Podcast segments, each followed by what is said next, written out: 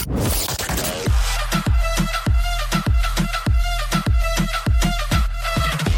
Dara, Gue Laila, and this is Kejar Paket Pintar. Hai La, Hai Dar. kita ketemu lagi di Kejar Paket Pintar. Di rekaman bulan Maret ini, selain eh, merekam episode baru, gue juga mau woro-woro ada logo baru. Betul. Akhirnya Kejar Paket Pintar punya logo. Ya. Jadi waktu itu Kejar Paket Pintar eh, nggak tahu ada yang tahu ada yang enggak kali ya bahwa Kejar Paket Pintar beberapa waktu lalu diundang ke acara kayak talk show podcastnya Kaskus. Untuk kepentingan promosi ya dimintain logo. Terus ya nggak lo. loh nggak punya nek. Tapi untung udah ada ini sih desain desain draft awal gitu ya Ya kita Dar. emang rencana mau bikin eh, logonya kan, akhirnya yang ngebut dan terbitlah eh, logo stiker dodol. Aja kalau ditempel di dodol tuh cocok juga loh. cocok. Stiker dodol sama stiker angkot eh, era orba Era gitu Orba sih gitu. desain desainnya lihat aja ya. Dan kita udah mulai mengaktifkan juga sosial media betul di uh, akun Instagramnya namanya kejar underscore paket underscore pintar. betul Betul. Nah, rekaman di bulan Maret ini kita juga masih dalam nuansa International Women's, Women's Day. Day. ya. Seperti yang teman-teman ketahui, kita ada episode di mana kita menyuarakan kemarahan-kemarahan perempuan. tahun lalu ya tahun Maret tahun lalu Nah, setelah uh, kita rekaman dan menyuarakan kemarahan-kemarahan, lo masih mengalami hal-hal yang kita marah-marah itu nggak sih, La? ya masih nggak ngaruh Eh, suara kita masih belum begitu efektif ya ternyata. Iya, antara memang karena patriarki itu kencang banget atau emang karena suara KPP nggak terdengar. ya iyalah. Tapi anyway, iya tahun seperti kata Dara, bulan Maret adalah eh, tangga apa bulan perayaan International Women's Day tepatnya tanggal 8 Maret. Terus tahun lalu 2018 kita bikin episode kemarahan-kemarahan perempuan ya Dar ya sampai dua episode. Yang intinya membahas soal kemarahan-kemarahan kita dalam kehidupan sehari-hari sebagai perempuan gitu. Apa sih yang bikin kita jengkel dan berbau patriarki? Penyebabnya misalnya kalau ada kasus pemerkosaan gitu bagaimana sih polisi menyikapi korban? Terus kalau misalnya dalam kehidupan suami istri itu pembagian peran suami dan istri yang kita kira equal sebenarnya belum equal equal banget jadi curhat-curhatan seperti itu deh gitu ya. Dan ternyata sampai setahun kemudian sekarang ya keadaannya masih gitu-gitu aja ya Dar ya? Iya masih masih sama. Tapi ya seperti lo bilang apakah terlalu patriarki terlalu kencang atau udah terlalu mendarah daging gitu ya lah sehingga tuh sulit didobrak. Kayak misalnya kayak waktu itu gue ada acara keluarga nggak sengaja ponakan laki-laki gue tuh kesenggol ponakan gue yang lain jatuh nggak luka sih tapi dia nangis gitu. Dan dia usianya udah kelas 3 SD lah gitu. Terus ada salah satu kerabat lain yang nyamperin gitu om dan tantenya kayak eh eh, udah eh, nangisnya udahan gitu. Laki-laki kok nangis gitu. Maksudnya laki-laki diberikan beban laki-laki tuh nggak boleh kelihatan fragile di luar. Padahal kan manusiawi ya gitu. Manusiawi banget lo gender lo mau laki atau mau perempuan ya nangis aja. Nggak ada yang bilang bahwa laki harus eh, strong, terus atau eh, nggak boleh nangis gitu. Komplain gue sebagai perempuan masih terus berlangsung. Salah satunya sexist jokes. Sexist sexist sexist jokes happens every day man. Dan em, itu adalah hal yang internalize. Internalize itu artinya mendarah daging ya. Jadi eh, saking internalize-nya, saking mendarah daging tuh kita udah nggak bisa bedain ini sebenarnya seksis atau enggak atau patriarkial atau enggak, misoginis apa enggak. Itu saking mendarah daging. Bukan hanya mendarah daging di laki-laki, tapi juga di perempuan. ini gue pengen ya, menurut lo, menurut gue ini seksis, tapi gue pengen nanya pendapat lo lah. Jadi suatu hari gitu, ini perkumpulan teman-teman sendiri gitu, terus ada eh, ya kayak reuni lah ya gitu. Terus salah satu temen gue bawa pacarnya nih lah gitu. Terus jadi baru dikenalin tuh sama kelompok teman-temannya gitu. Terus jadi teman-temannya baru pertama kali kenalan sama si perempuan ini gitu sebagai eh, pacarnya si teman gue ini gitu. Perempuannya berambut pendek lah gitu apa ya, pixie cut gitu Heeh, ya. cepak-cepak gitu cepak-cepak gitu. Terus ya eh, oke lah cocok lah gitu di di wajah perempuan terus salah satu temennya temen gue laki-laki ber- bercanda aja cie akhirnya dibawa juga nih pacarnya dikenalin Hmm. gitu. Oh senengnya yang cendol susu gini ya. Terus Apa tuh eh, eh, cendol terus susu? apa tuh? Gimana? cewek bondol bikin nafsu. Oh baik. Gue kan kayak oh baiklah gitu. Tapi gue ya hadir di sana terus gue ngeliat nggak ada harm yang mau dilakukan ke si perempuan ini ya Iya, gitu bercanda bercanda aja. aja, tapi Iya. itu menurut gue sih seksis sih Eh, misalnya kayak em, kan misalnya ada forum laki-laki ya terus misalnya ada si A ngomong sama si B eh katanya lo kemarin kerja bareng Luna Maya ya gitu. Iya wah gimana tuh bro? Rasanya kerja sama Luna Maya wah mulus bro gitu kan. Dan karena gue sama Dara udah lumayan pakai kacamata feminisme ya kita kan dengernya agak Keganggu keganggu. ya, dan masalahnya itu nggak berlaku sebaliknya. Maksudnya gini Bercandaan kayak gitu dianggap tanda kutip normal. Tapi kalau perempuan yang bercandain cowok kayak gitu Dianggap tidak normal. Kayak perempuan yang ganas, Ganas atau agresif. Sebagai contoh ya Gini. Kita tahu kalau dalam forum laki-laki itu Ada bercandaan seksis ke, terhadap perempuan Pasti ya semua ketawa aja gitu Laki ataupun perempuan. Tapi gue pernah menjadi MC ya. Jadi MC di sebuah acara press release film gitu. Terus salah satunya ada Aryo Bayu, ada Aryo Bayu hadir di situ. Berhubung emang gue anaknya gatel, gue bercanda. Dan yang keluar sih jujur aja bercanda seksis. Kayak gini. Mic gue nggak nyala, terus gue dipinjemin mic sama Aryo Bayu yang kebetulan ada di samping gue. Terus gue yang otomatis, aduh seneng banget nih dapet mic bukannya Aryo Bayu. terus nggak ada yang ketawa gitu kan, kayaknya krik krik and I can feel bahwa ini apa sih bercandaannya. So lo bayangin aja, nggak usah pakai contoh gue, lo bayangin aja kalau lo lagi dalam sebuah forum dan sebaliknya si perempuan yang kayak, Duh ada Aryo Bayu gimana ya kita ya, weh?" gitu kan, aduh kayak gimana itu nggak laki nggak perempuan pasti risih gitu mendengarnya lebih risih ketimbang sexist jokes terhadap perempuan atau sexist flirting terhadap perempuan gitu. Terus hal-hal internalize lainnya misalnya gini, kalau lo ke rumah sakit dan ada dokter laki-laki dan dokter perempuan, pasti orang cenderung milih dokter laki-laki. Sebaliknya, kalau ada suster laki-laki dan suster perempuan, pasti orang cenderung milih suster perempuan gitu. Kayaknya terganggu kalau ada suster laki-laki. Terus misalnya ada stylist, ada capster, ada makeup artist atau um, ya stylist rambut laki-laki pasti dicapnya adalah um, gay atau ya homoseksual feminin karena ya. feminin. heeh. Padahal chef, stylist, makeup artist ternama di dunia tuh kayaknya banyak banget yang cowok gitu kan. Jadi mereka sebenarnya punya sense of artsy beauty yang sama aja kayak perempuan. Itu yang namanya internalize tuh itu mendarah daging banget di dalam diri lo. Jadi eh, patriarki tuh nggak hanya merugikan perempuan tapi juga laki-laki. Ya laki-laki jadi ibaratnya ada batasan-batasan juga dalam profesi misalnya. Setelah eh, marah-marah yang masih belum apa ada solusinya ini di episode kali ini gue sama Laila tuh ingin menampilkan cerita pergerakan perempuan untuk mengubah dan melakukan sesuatu atas kemarahan-kemarahan eh, selama ini.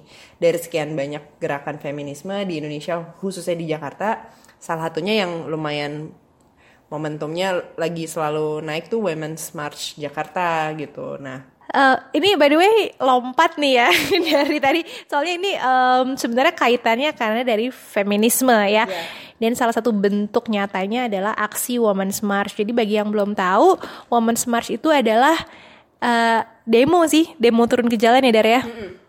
Sebenarnya triggernya itu dimulai di Amerika. 2016 apa?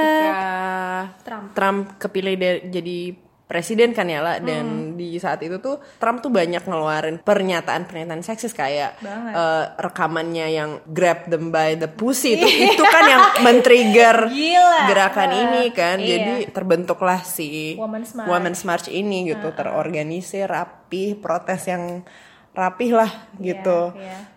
Betul sih, jadi memang Trump is highly highly sexist, highly highly misoginis banget, dan perempuan-perempuan di Amerika tuh langsung nyadar gitu, wah presiden baru kita nih gila banget seksisnya, jadi terus mereka marah, protes dan bentuknya mereka bikin Women's March. Kemudian muncul di Amerika terus jadi ripple effect ya, jadi efek gelombang ke seluruh dunia, termasuk di Indonesia. Indonesia kayak wah ada yang namanya Women's March, ini kayaknya penting dan perlu untuk diadopsi di Indonesia.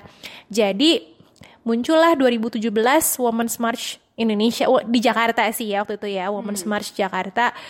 Tahun ini ada lagi 2019 uh, diadakannya selalu di bulan Maret bertepatan dengan 8 Maret Hari Perempuan Internasional tapi karena bulan Maret ini kita mau ada eh bulan April kita mau ada pemilihan presiden baru jadi di Jakarta di Indonesia diputuskan Women's March tahun ini akan dilakukan bulan April setelah Pilpres. Momentum uh, terus habis itu ini ada momentum jadi si, kita menggunakan momentum itu buat naikin isu perempuan yang ada di Indonesia. Tapi karena kita akhirnya pakai nama Women's March itu, hmm. akhirnya mau nggak mau kita isu bukan bu, we are a, bukan affiliated modelnya gimana ya aku bilangnya?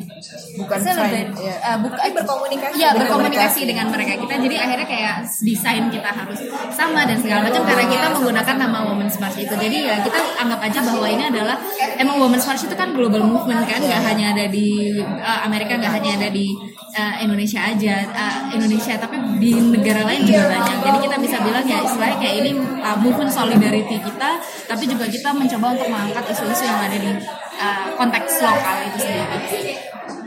Bukan berarti Women's March ini pertama kalinya ada gerakan feminisme di Indonesia ya bahwa dari dulu-dulu tuh udah ada cuman sekarang kayaknya ke unify gitu kan iya, karena isinya bergabung. bergabung gitu nanti bergabung pisah lagi jalan uh, bergerak masing-masing terus uh, Women's March jadi suara bersama lagi gitu masing-masing uh, gerakan feminisme tuh karena punya agendanya sendiri-sendiri kan. Nah, di mm-hmm. Women's March nih tuntutan tuh banyak kan yang untuk mewakili dari agenda-agenda kelompok-kelompok lain. Jadi Women's March tuh awalnya tuh gimana sih gitu ya? Jadi gue nanya sama Mbak Mia, ketuanya Women's March ini awalnya tuh grassroots banget kok. Ini bukan gerakan terorganisir dari negara atau dari pemerintah hmm. atau dari Komnas HAM gitu bukan. Um, beberapa tahun lalu kayak lima tahun lalu sebenarnya udah muncul gerakan grassroots grassroots feminisme di online di sosmed di Facebook ternyata rame dan berkembang dan dari situ memantik banyak organisasi grassroots grassroots lainnya kayak Cat Colors ID, Holla Back jadi banyak dari kelompok online akhirnya jadi bikin acara offline juga ada ketemuan meet up bikin event bikin event seperti Femfest akhirnya mereka mengadopsi Women's March ini gitu. Okay, so let me let me tell you a story. so basically, it started as a Facebook group. So the founder of Jakarta um, Feminist dis- Discussion Group. So she was sick of getting harassed and catcalled. So she started a Facebook group, you know, a few years back, thinking that it would just be a place to vent. It, it would be a safe space for people to vent. And she didn't think that that many people would join but then they did you know including me i found i found them through a random facebook search you know i typed in jakarta feminist and there they were and there's this big group of people who used to post every day and it was a safe space and then it just kind of grew very organically jadi dari kegiatan di Facebook itu ada meet up offline terus dari situ um, ada event-event juga kayak mendukung aksi-aksi lain. Akhirnya itu ada Women's March, akhirnya itu ada Femfest. Nah, Femfest itu juga setiap dua tahun sekali dan tahun ini akan diselenggarakan untuk kedua kalinya. Jadi begitulah jalannya Jakarta Feminist Group. So it started very organically and most of our members are in Jakarta and most of them tend to be quite young and they live in urban areas. And because we're a volunteer group, like our reach is, is somewhat limited. We we we have networks with lots of other organizations, women's organizations and NGOs, and definitely we they they do a lot of amazing amazing work. So we try to support and amplify when we can, you know, and to to raise awareness.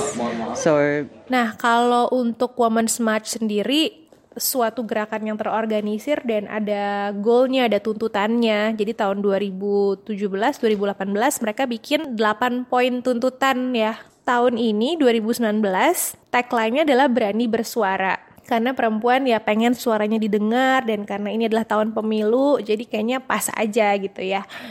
Kalau tahun ini tuntutannya tuh fokusnya ada pada isu-isu perempuan dan minoritas di pemerintahan.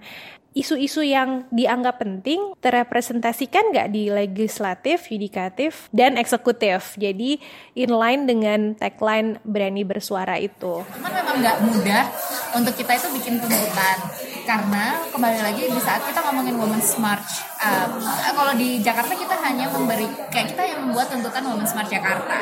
Karena kalau misalnya kita mau mengatasnamakan Indonesia kita takutnya nanti ada di daerah yang nggak nggak ter tidak mereka merasa kayak ini nggak konteks kontekstual di daerah saya atau bahkan mungkin kok isu di daerah saya nggak naik itu ya sebetulnya kita nggak pengen ada yang tertinggal seperti itu kan. Jadi di sini di Jakarta memang kita berkonsolidasi dengan uh, LSM-LSM yang ada di sini NGO-NGO yang ada di sini komunitas-komunitas yang ada di sini. Jadi memang sangat sulit untuk bikin delapan tuntutan itu sangat sulit sekali karena kita semua pengennya adalah isu-isu dari LSM dan juga NGO dan juga komunitas ada di tuntutan itu. Tentang Women's March ini banyak orang yang masih berpikir ini hanya untuk perempuan gitu. Yang diperjuangkan hanya isu-isu perempuan. Hmm. padahal dari tuntutan yang ada itu mereka memperjuangkan untuk semua kalangan. Bahkan untuk kemaslahatan laki-laki juga kok atau juga dari kelompok minoritas lainnya. Ini juga pertanyaan gue dan Dara. By the way aduh sorry tadi gue belum sempet cerita juga bahwa Women's March ini bukan cuma ada di Jakarta, tapi ada di 23 kota lainnya. Tahun ini ada di 23 kota lainnya di Indonesia, dari mulai Bandung, Kupang, Malang, Semarang, dari Jawa maupun luar Jawa. Gue mungkin merefer sebagai Women's March Jakarta kali ya gitu ya, WMJ, karena kami nggak berbicara tentang gerakan Women's March yang di luar Jakarta tuh. Soalnya tuntutannya bisa beda-beda. Sebetulnya iya, sebetulnya uh, mungkin ada poin-poin yang sama, tapi mungkin mereka punya kayak uh, kebijakan-kebijakan daerah yang pengen mereka dorong atau pengen mereka ubah atau ingin mereka tolak. Nah, itu mungkin di poin-poin itu yang akan berbeda. Sedangkan kalau di Jakarta karena kita uh, sifatnya dekat dengan pemerintah nasional, jadi memang kebanyakan kebijakan-kebijakan yang kita tuntut memang kebijakan-kebijakan yang sifatnya nasional. Tapi mungkin di daerah kayak misalnya kayak tahun lalu di Kupang mereka sangat fokus pada isu perkawinan anak. Karena karena memang angka perkawinan anaknya di sana sangat tinggi seperti itu. Sedangkan mungkin di Jakarta kita fokus pada isu uh, kayak misalkan teman-teman yang kemarin undang-undang PRT, pengesahan PRT dan seperti itu itu itu kita naikkan. Karena memang kita dekat dengan apa namanya tem, uh, yang ada uh, pemerintah nasional. Seperti itu. Terus tadi sampai mana lupa? Oh ya Women's March apakah eksklusif atau okay, inklusif?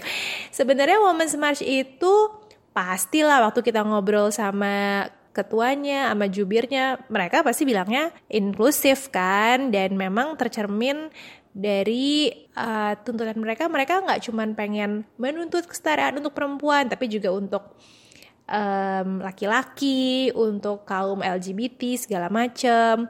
Eventnya pun bisa dihadiri oleh siapa pun, oleh tua, oleh muda. Kesannya Women's March is a hip thing gitu ya, but it's not a millennial thing kok gitu loh. Mereka mengundang ibu-ibu petani dari daerah yang mau datang, mau ikutan, silahkan.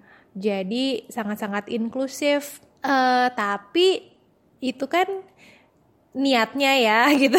tapi harus kami akui bahwa secara image, image bahkan bukan image women's march aja tapi image feminisme, apalagi aktivismenya itu masih eksklusif gitu.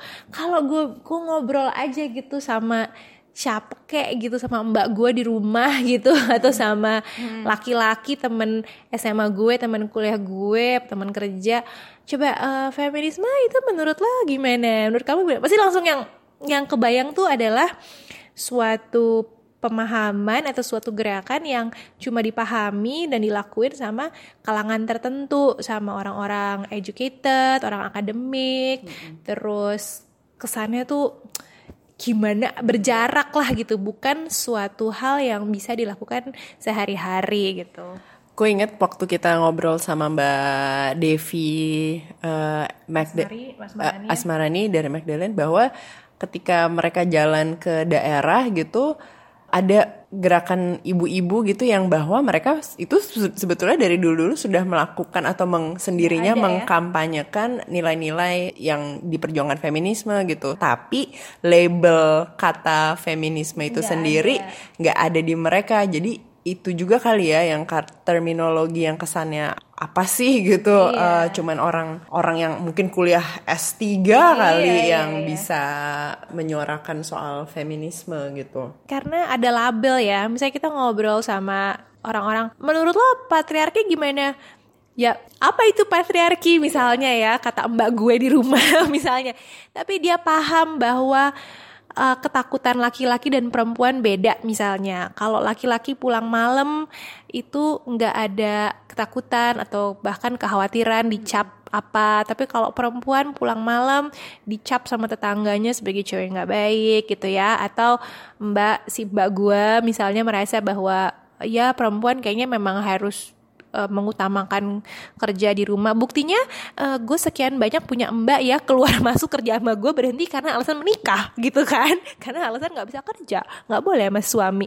Nah kalau kayak gitu relatable kan sama mereka tapi kalau begitu kita labelin ini nih yang namanya patriarki. Pasti nggak what? gitu kan. Sekarang kita baru ngobrolin tentang Women's March-nya dan Women's March tahun ini kan belum kejadian. Gua sendiri memang belum pernah datang gitu, jadi hanya ngeliat di sosial media. Penasaran dengan orang sekitaran yang ada di jalanan itulah ketika teman-teman ini iring-iringan gitu, mereka merasakan apa yang lagi diperjuangkan gak sih? Atau ini orang kayak topeng monyet kayak topeng monyet aja kah? Atau atau seperti apa gitu? Saat kita setiap kali kita bikin apa namanya women's march yang paling kita khawatirkan memang isu-isu yang dianggap dalam tanda kutip tabu uh, oleh masyarakat Indonesia kayak isu-isu uh, orientasi seksual seperti itu. Jadi waktu itu kita sangat sangat benar-benar sangat menjaga keamanan teman-teman uh, komunitas LGBT tapi ternyata begitu kita maju ke aksi sebetulnya isu LGBT itu naik. Cuman itu nggak sebanding dengan di saat mereka menyerang tentang isu otoritas tubuh perempuan jadi gimana gimana jadi eh, isu LGBT itu diserang, tapi yang itu tidak separah mereka menyerang isu otoritas tubuh perempuan. Somehow mereka offended dengan the fact bahwa perempuan itu mempunyai tubuhnya sendiri. Itu dan itu juga yang diserang sama uh, un- uh, yang kontra RUU PKS kan, kayak mereka yang diserang yang zina lah, apalah dan segala macam. Ya kayak gitu. Jadi itu benar diserang kayak posternya Hana yang bilang tubuhku apa namanya ya urusanku dan segala macam. Dan posterku juga kebetulan ngomongin tentang otoritas tubuh perempuan. Dan itu memang benar-benar diserang kayak gitu. Dan itu sebenarnya menarik. Kayak bahkan isu perkawinan anak yang dikupang ada mereka bikin kayak semacam gimmick teatrikal gitu. Kayak ada dua anak muda pakai baju apa namanya baju pernikahan gitu kan. Terus tulisannya kayak eh, yang perempuan bilang ibu saya masih pengen sekolah yang laki-laki pengen apa gitu kan. Itu itu juga diserang mereka bilang ah lo nggak pengen nikah tapi pengennya cuma zina aja. Kayak buset itu anak yang di situ masih kayak umur 15 tahun jadi expect? Kayak kayak di kepala itu makanya kita kadang bahkan untuk isu pernikahan anak pun yang sebetulnya orang harusnya di saat lo ngomongin lo nikahin anak umur 12 13 tahun it's wrong. Ya kan? Tapi buat mereka it wasn't wrong it's not wrong. Jadi itu yang itu yang diserang tuh malah kebanyakan itu. Otoritas tubuh perzinahan yang seperti itu. WMJ sendiri is a serious thing menurut gue ya adalah sebuah gerakan yang serius karena tuntutannya aja tuh dibuat se, inklusif mungkin. Jadi uh, mereka FGD tim Women's March Jakarta ya. Gue gue bicara atas nama Women's March Jakarta. Mereka bikin fokus discussion group antara tim mereka berbagai NGO berbagai LSM berbagai komunitas berbagai masyarakat sipil dan membuat uh, diskusi yang sistematis gitu untuk menentukan tuntutannya. Jadi tuntutannya Women's March sendiri itu diramu dengan pertimbangan kok gitu ya dengan pertimbangan yang masak segala macam tapi praktek di jalannya kan kayak apa ya? Kita di sini kan kita tidak bisa bekerja sendiri, pastinya kita butuh dukungan dan bantuan dari semua teman-teman, baik itu teman-teman yang aktif di JFDG sendiri, teman-teman relawan dan jaringan teman-teman LSM dan organisasi lain yang punya visi dan nilai yang sama. Jadi kita harus inklusif dan separtisipatif mungkin. Jadi dari awal kita memang ada tim konsep yang melibatkan teman-teman aktivis dan teman-teman dari NGO. Nah, uh, mereka membuat konsep awal dan setelah itu kita ada FGD, FGD besar. Waktu itu dihadiri oleh sekitar 50-an orang dari perwakilan dari berbagai lembaga dan organisasi dan mereka juga fokus grup mereka mengolah tuntutan apa yang mereka inginkan, apa yang penting untuk mereka dan isu-isu apa yang harus diangkat. Dari situ dipertajam lagi, kita meeting lagi. Menurut gue One Moment Smart emang seru banget sih kalau gue ngeliat dari dokumentasi tahun-tahun lalu, it's a very millennial thing gitu. Jadi joget-joget, terus kayak baca puisi, terus dengan postur-postur yang uh, bahasa Indonesia, bahasa uh, Jakarta Selatan banget gitu, which is which is gitu, bahasa Inggris dan um, lagu Beyonce dan MIA berkumandang gitu kan Who Run the World Girls? Kan seksi banget gitu ya. Jadi it's a very young hipster millennial thing. Tapi nyampe nggak pesannya Jadi gitu. Itu nuansa yang di mau uh, proses dalam merumuskan tuntutan inklusif tapi keluarnya ada nuansa eksklusifnya tuh tetap tetap ada ya lah ya. Kemudian kalau misalnya misi mulia begini kan biasanya suka ada yang nggak suka nih. biasanya kalau mau memperjuangkan sesuatu yang berguna untuk banyak orang mesti ada aja nih yang kontra nih nggak suka. gue juga kalau bacain gue follow Indonesia Feminist gitu. Dia misalnya nge screenshot media yang nge-frame-nya bener-bener misoginis dan seksis gitu. Abis itu bacalah kolom komennya. Itu tuh kontranya tuh yang kayak Masya Allah gitu. Jadi yang mulai bawa agama apalagi dari kalangan yang menurut gue juga apa agama fundamentalis tuh ya. Sepertinya tuh kata feminis tuh asalnya dari barat jadi nggak layak untuk kita adopsi gitu. Padahal Bertentangan dengan bertentangan dengan agama agama atau ketimuran tanda kutip Indonesia gitu. Nah gue sama Laila tuh kemarin memang mencari tuh yang kontra gitu terhadap ada gak sih yang beneran menentang ideologi feminisme itu bahwa misalnya enggak kok kita udah setara jadi ngapain lagi eh, kalian ribut-ribut gitu. Kita belum menemukan yang kontra banget, sih tapi ada em, kita ketemu orang yang apa ya lah em, nggak nggak sepenuhnya setuju nggak sepenuhnya setuju dengan gerakan itu betul uh, ada pihak yang kurang ya. Jadi kita ngobrol sama seseorang uh, kenalan dan orang ini adalah akademisi juga sih ya, uh, mahasiswa S2 dan dosen juga. Kritik-kritiknya dia apa dar ya terhadap feminisme dan gerakan itu apa ya? Em, salah satunya kenapa eh, perjuangannya belum mencapai apa-apa karena luas banget gitu tuntutannya nggak fokus gitu. Kemudian ada persoalan oh gue nggak tahu ya apakah ini ba- eh, awam atau enggak gitu. Menurut dia yang awam yang baru kenal kata feminisme itu artinya balas dendam ke laki-laki Hate man, gitu. man hate eh, eh, main hater. Padahal sejatinya kan bukan bukan benci terhadap laki-laki dan mau meng eh, balas, dendam. gitu. Teman saya banyak banget yang emang nggak ngerti tentang feminisme tentang movement dan segala macam gitu.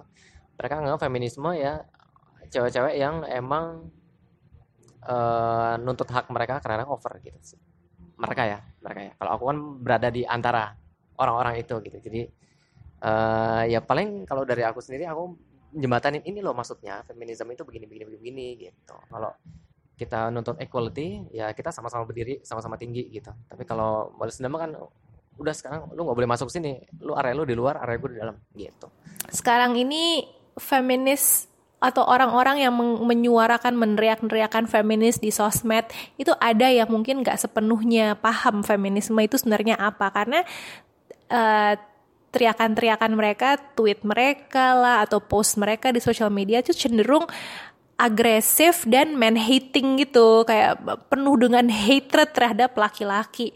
Well, we understand kalau ada orang yang beneran marah, tapi kan lo nggak harus marah terus ya. Kayak goal lo tuh apa sih? Kalau lo emang bener-bener pengen setara, itu come on. em, kalau lo cuman teriak-teriak wah wah wah, wah gitu nggak akan sampai gitu nggak akan sampai pesan lo itu itu gue setuju sama dia apa ya yang kerasa banget itu mungkin yang dapat tentangan dari teman-teman yang kontra adalah ketika ada eh, spanduk-spanduk atau ucapan-ucapan atau tweet gitu misalnya yang bilang bahwa eh, ini yang paling yang paling gampang aja nih yang paling gampang. Eh, bukan kita yang harus nutup aurat kita tapi otak lo yang terlalu mesum gitu. Itu salah sat- satu sisi ya mungkin benar gitu. Kalau secara kalau secara apa namanya alamiahnya kan emang laki-laki kan diberi fasilitas itu yang berlebih gitu ya. Tapi di sisi lain itu jadi kayak stereotyping sebenarnya gitu. Buat laki-laki pernah nggak semua laki-laki kayak gitu Dan gue juga paham sih bahwa eh, si Mas ini juga agak bingung kenapa di Women's March itu ada eh, apa tuntutan kesetaraan LGBT juga gitu. Why jadi melebar ke LGBT, ke transgender padahal ki- kirain ya this is just between men and women gitu. Eh, tapi menurutku sih mendingan fokus aja ke satu atau dua dua isu yang penting aja gitu dan dan nggak tahu ya karena tadi saya bilang itu kalau setiap ada Women, March pasti ada bendera warna-warni itu loh.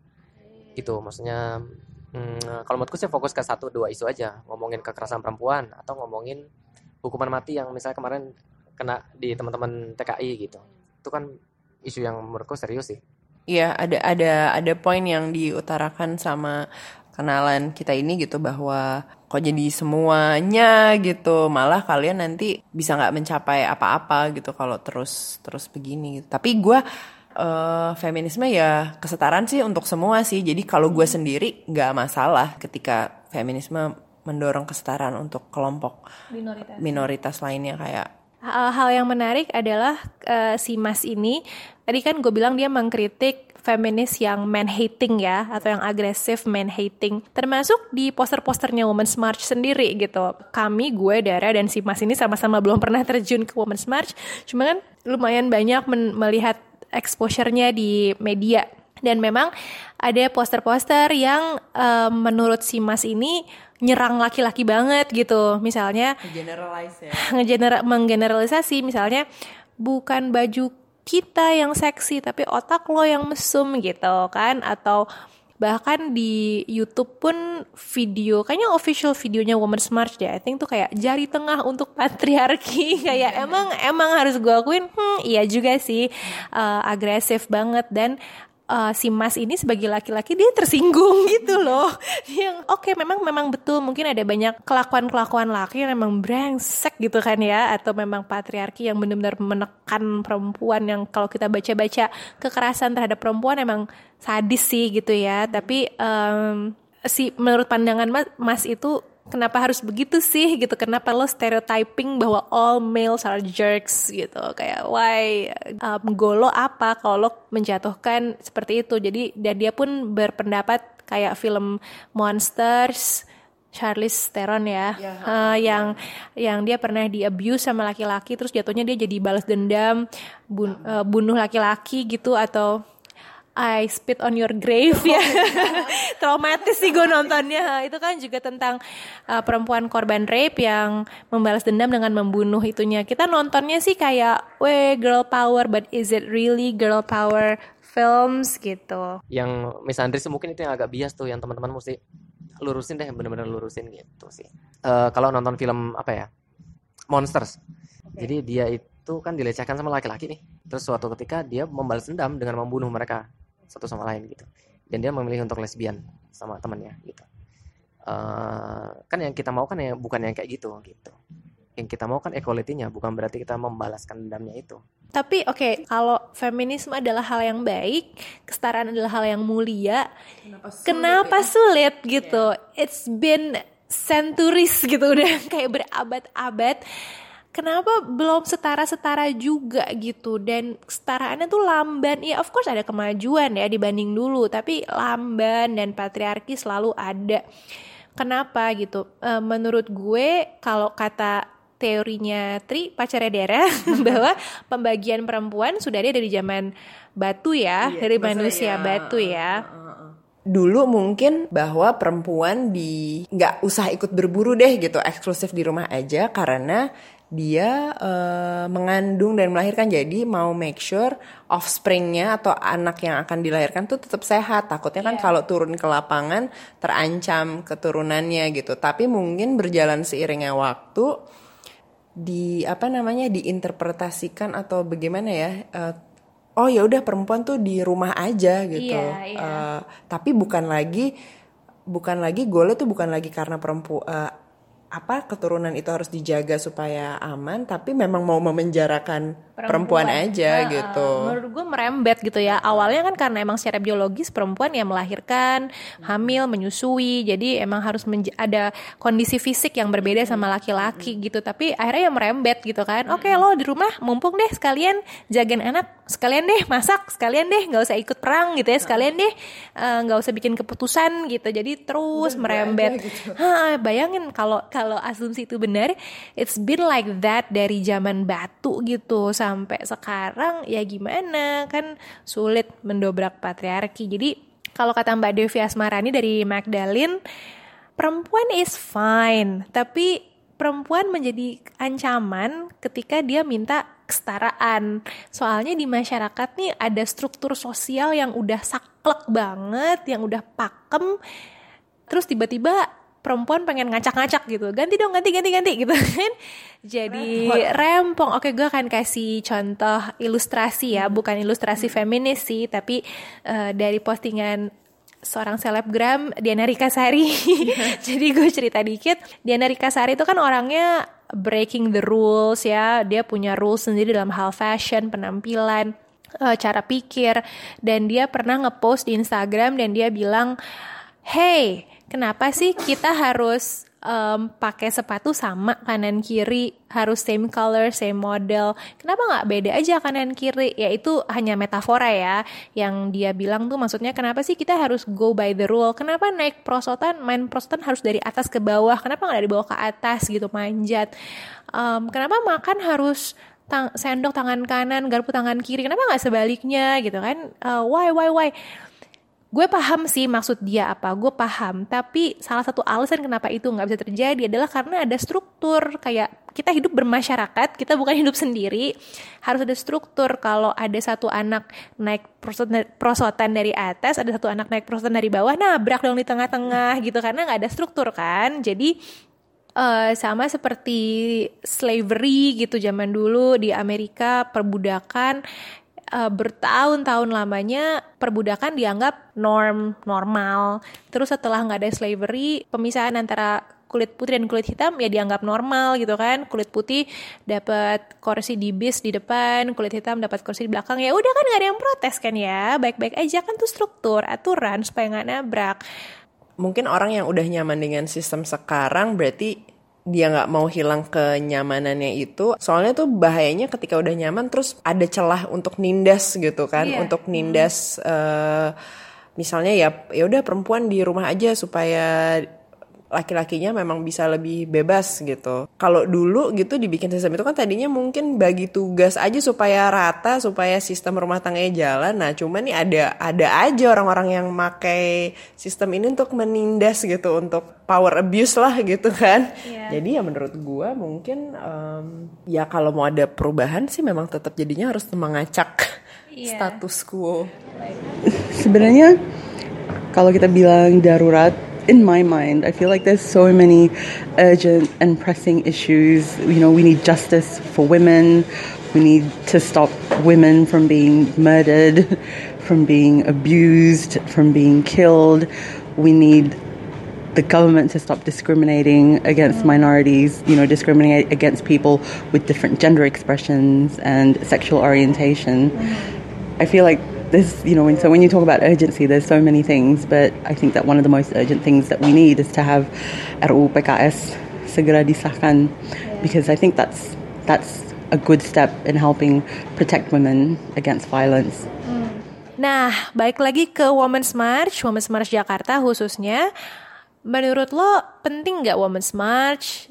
Apakah efektif? Apakah masih harus terus lanjut? Mungkin nggak nggak hanya Women's March, tapi aktivisme feminisme secara keseluruhan di Indonesia. Gimana menurut lo, Dar? Menurut gue adanya Women's March tetap perlu. Ini tuh buat gue perlu karena eh, semacam perayaan atau mengingatkan kita atas eh, perjuangan yang masih harus terus dilakukan sila gitu. Apakah sudah efektif meningkatkan kesadaran banyak orang atau banyak kalangan? eh, mungkin sekarang masih jauh dari sempurna gitu tapi menurut gue terusin aja gitu tetap aja gitu tetap bersuara aja dan uh, Women's March bisa jadi platform yang baik gitu untuk uh, kita semua. Kembali lagi aku bilang Women Smart ini kita adalah part of women movement yang ada di Indonesia. Jadi Women Smart ini adalah salah satu kita nge-follow up juga aksi-aksi sebelumnya. Jadi makanya kayak aksi itu kan terus kan ada terus karena ya itu itu itu adalah bagian dari follow up itu. Di saat kita belum saat itu belum dipenuhi kita follow up lagi. Bisa kita aksi lagi. Di saat itu belum dipenuhi kita aksi lagi. Kita tapi ada juga teman-teman yang bagian advokasi di dalam. Kayak contohnya waktu kemarin draft RKUHP Eh, teman-teman dari Jakarta Feminist Discussion Group adalah kita yang membuat petisi yang ada di uh, Change.org itu yang untuk menolak RKUHP itu adalah kita yang memang kebetulan pakai namanya Mbak Tunggal. Jadi drafternya ada aku ada Naila ada teman-teman JFDG banyak sekali. Uh, dan itu yang kita lakukan adalah itu tadi kayak begitu itu kok begitu kita lobby ke dalam fraksi kok nggak direspon nih? Akhirnya kita aksi di depan DPR masih nggak direspon lagi akhirnya kita aksi di uh, Women's March masih nggak direspon lagi kita aksi di tanggal 8 Maret. Tapi ada juga teman-teman yang masuk ke dalam jadi kayak masih halo-halo ke Iya, dalam nah, jadi jadi memang gitu modelnya ada yang kita jadi kebanyakan memang Women's March itu atau JFD-nya kita banyak di, di uh, advokasi yang di non litigasi. Jadi kampanye ke masyarakat, kampanye yang tadi yang aksi dan segala macam. Tapi ada tim lain dari teman-teman konsolidasi, makanya kita ada konsolidasi karena mereka kebanyakan adalah teman-teman yang memang advokasi dalam litigasinya. Jadi emang lobbying di dalam uh, apa namanya DPR, eksekutif, legislatif, yudikatif itu adalah mereka. Iya, sama kurang lebih. Iya, kita mah sama melulu ya dari ya. kita kok nggak pernah kontra sih. Uh, anyway, Women's March menurut gue perlu karena perjuangan aktivisme tuh gila masih jauh banget gitu ya apalagi jangankan soal perjuangan kesetaraan perempuan soal perjuangan hak asasi manusia aja yang udah jelas-jelas eh, nggak boleh dilanggar hak asasi manusia masih nggak ditindak misalnya di negara kita ya. Em, orang orang-orang Kamisan orang-orang yang demo setiap hari Kamis menuntut pemerintah untuk membuka informasi atau mencari orang-orang yang hilang pada kerusuhan 98 atau demo 98 itu kan sampai sekarang nggak ditanggepin tanggepin sekarang udah it's been 20 years ya dari tahun 98 aksi kamisan itu nggak ditanggepin sama sekali sama pemerintah. Ya dikit-dikit lah tanggapannya basa-basi. sekali tuh sempat diundang tuh Sempet eh, ya, sempat ada dialog diundang ya. ada dialog. Mm-mm. Karena meng- membuka kasus itu, membuka kasus HAM itu berarti mem- mem- bisa mencoreng nama banyak orang petinggi di negara ini kan. siapa sih Siapa ya kira-kira? Aduh takut ditanyain ala Pak Harto gitu. Siapa yang nyuruh nanya?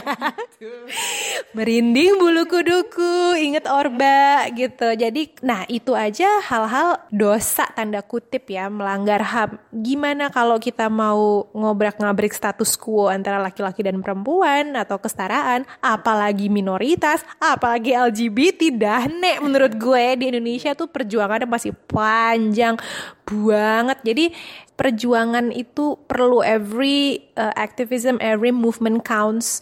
Jadi Women's Jakarta, Women's March Jakarta terlepas plus minusnya, terlepas dari kontroversinya, walaupun ada haters, walaupun belum sempurna gerakannya, belum ada tuntutan yang terwujud dari tahun 2017, just keep on going sih. Kalau menurut gua Madara, just keep on going.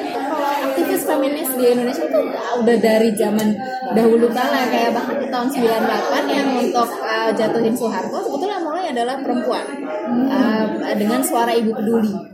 Jadi suara ibu peduli dulu turun ke jalan untuk harga susu yang sangat tinggi uh, dengan idea bahwa di saat ibu-ibu sudah turun ke jalan, di saat pemerintah tidak bisa memberikan basic needs untuk bayi, it's a fail state. Dengan idea itu. Dan baru habis itu mahasiswa turun ke jalan. Cuman kan suara perempuan ini nggak pernah diungkapkan kan di masyarakat. Sebetulnya. Dan jangan cuma membebani ke Women's March ya, karena aktivisme perempuan mah dari dulu banget, dari kecil-kecilan, mau dari dari jurnal perempuan, ya, eh, dari ya Komnas HAM, mau pakai cara informal, formal, ada sekarang ada Magdalene.co yang lebih pop pendekatannya terus itu dia supaya nggak ada jarak antara supaya nggak ada jarak antara feminis dengan rakyat tuh menyatu aja as a lifestyle. Bahwa ya harus sehari-hari tuh harus punya kesadaran. Coba eh, terangkan em, artikelnya Mbak Mita dar ini juga kenapa feminisme harus terus diperjuangkan? Karena misalnya taruhlah dari produk gitu ya lah produk kosmetik gitu produk untuk eh, merawat diri. Laki-laki tuh lebih nyaman ketika misalnya obat cuci muka tuh ada kalimat kata mensnya gitu. Misalnya mens facial wash gitu mens uh, whitening gitu mungkin ya. Tapi kalau misalnya deodoran. mens deodoran gitu. Diduga gitu karena kalau nggak ada kalimat men uh, ada kalimat kata-kata ini un- khusus untuk laki-laki mereka tuh jadi fragile gitu loh untuk Iya, ngambil insecure ya. insecure gitu untuk ngambil mungkin masker ngencengin kulit gitu kesannya tuh lebih eh, feminin tuh nggak boleh nempel di laki-laki So kalau ada kesetaraan, everybody wins sebenarnya. Yang diuntungkan bukan cuma perempuan, tapi juga laki-laki. Jadi ya gitu deh. gue nggak tahu ya pengen sih menyelipkan ini di episode ini lah bahwa gue kemarin nonton di eh, acara Metro TV yang tadi gue bilang itu eh, dengan eh, judulnya bukan sekadar perempuan ditutup dengan satu monolog dari Pak Maman Suherman. Eh, beberapa paragraf yang dia bacakan menurut gue boleh juga tuh untuk jadi bahan renungan gitu. Gitu bahwa eh, perempuan perlu didudukan setara untuk juga sebagai pengambil keputusan gitu. Oke. Thanks for listening. Dan kalau nanti ada waktu di bulan April em, tanggal berapa lupa? Kayak 27 April deh. ha, itu em, bagi yang di Jakarta atau yang kotanya mengadakan Women's March just try to join aja ya. Nanti bisa nilai sendirilah terlepas lo setuju atau enggak setuju atau agak setuju atau agak tidak setuju nih kayak polling gitu ya. Eh, itu eh, lo nilai sendiri dengan cara lo terjun dulu aja and you might learn a bit about kesetaraan ya. Memang kalau misalnya kita ngomongin urban di Jakarta, kita ngomongin tentang women's march yang ada banyak milenial urban, memang di saat mereka bawa poster ke jalan, isu yang diangkat mungkin tidak sedalam isu-isu grassroots, tapi that's a start. Di saat di mana mereka datang, terus mereka berbaur dengan ibu-ibu dari jaringan jalan PRT asisten rumah tangga, dengan teman-teman guru migran. Jadi akhirnya mereka jadi tahu, oh ada isu lain lebih dari ngomongin catcalling lebih dari ngomongin body positivity kayak gitu. Dan itu ya walaupun itu sama-sama penting gitu. Cuman istilahnya sebenarnya mereka nggak hanya lihat di level urban ini. Di saat mereka ngomongin wage gap mereka nggak hanya ngomongin di level manajerial. Tapi mereka juga ngelihat di isu-isu guru ya itu itu sebetulnya yang kita coba untuk kayak oke nggak apa-apa lo datang ke sana dengan poster yang istilahnya some- something that is very personal which is fine. It's something yang sebetulnya kita pengen angkat cuma setidaknya kamu di situ juga bisa berbaur dengan teman-teman di akar rumput lainnya yang juga ikut maju dan kamu akhirnya jadi educated juga tentang isu-isu yang lain. Itu. alright thank you see you. pemberontakan yang berpotensi besar menggoyang tiang harmoni didikte lingkungan sosial untuk lebih menjadi makhluk di dunia privat daripada di ruang publik.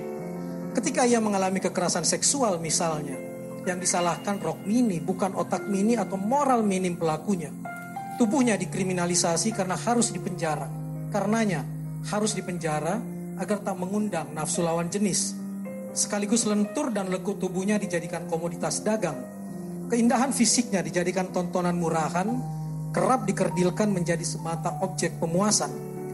Ada yang takluk menyerah dan angkat tangan dan memaknai peristiwa tersebut sebagai takdir yang mesti dijalani. Bagian dari perjalanan hidup yang tak bisa dielakkan. Tapi tak sedikit yang berusaha berdiri kukuh melawan. Melakukan perubahan sosial, berjuang meruntuhkan mental patriarki yang menindas perempuan dengan menggunakan ajaran-ajaran tradisional yang ditafsirkan secara serampangan. Berani bersuara, berani memilih pembebasan kaum perempuan, bagi mereka itu jawabnya.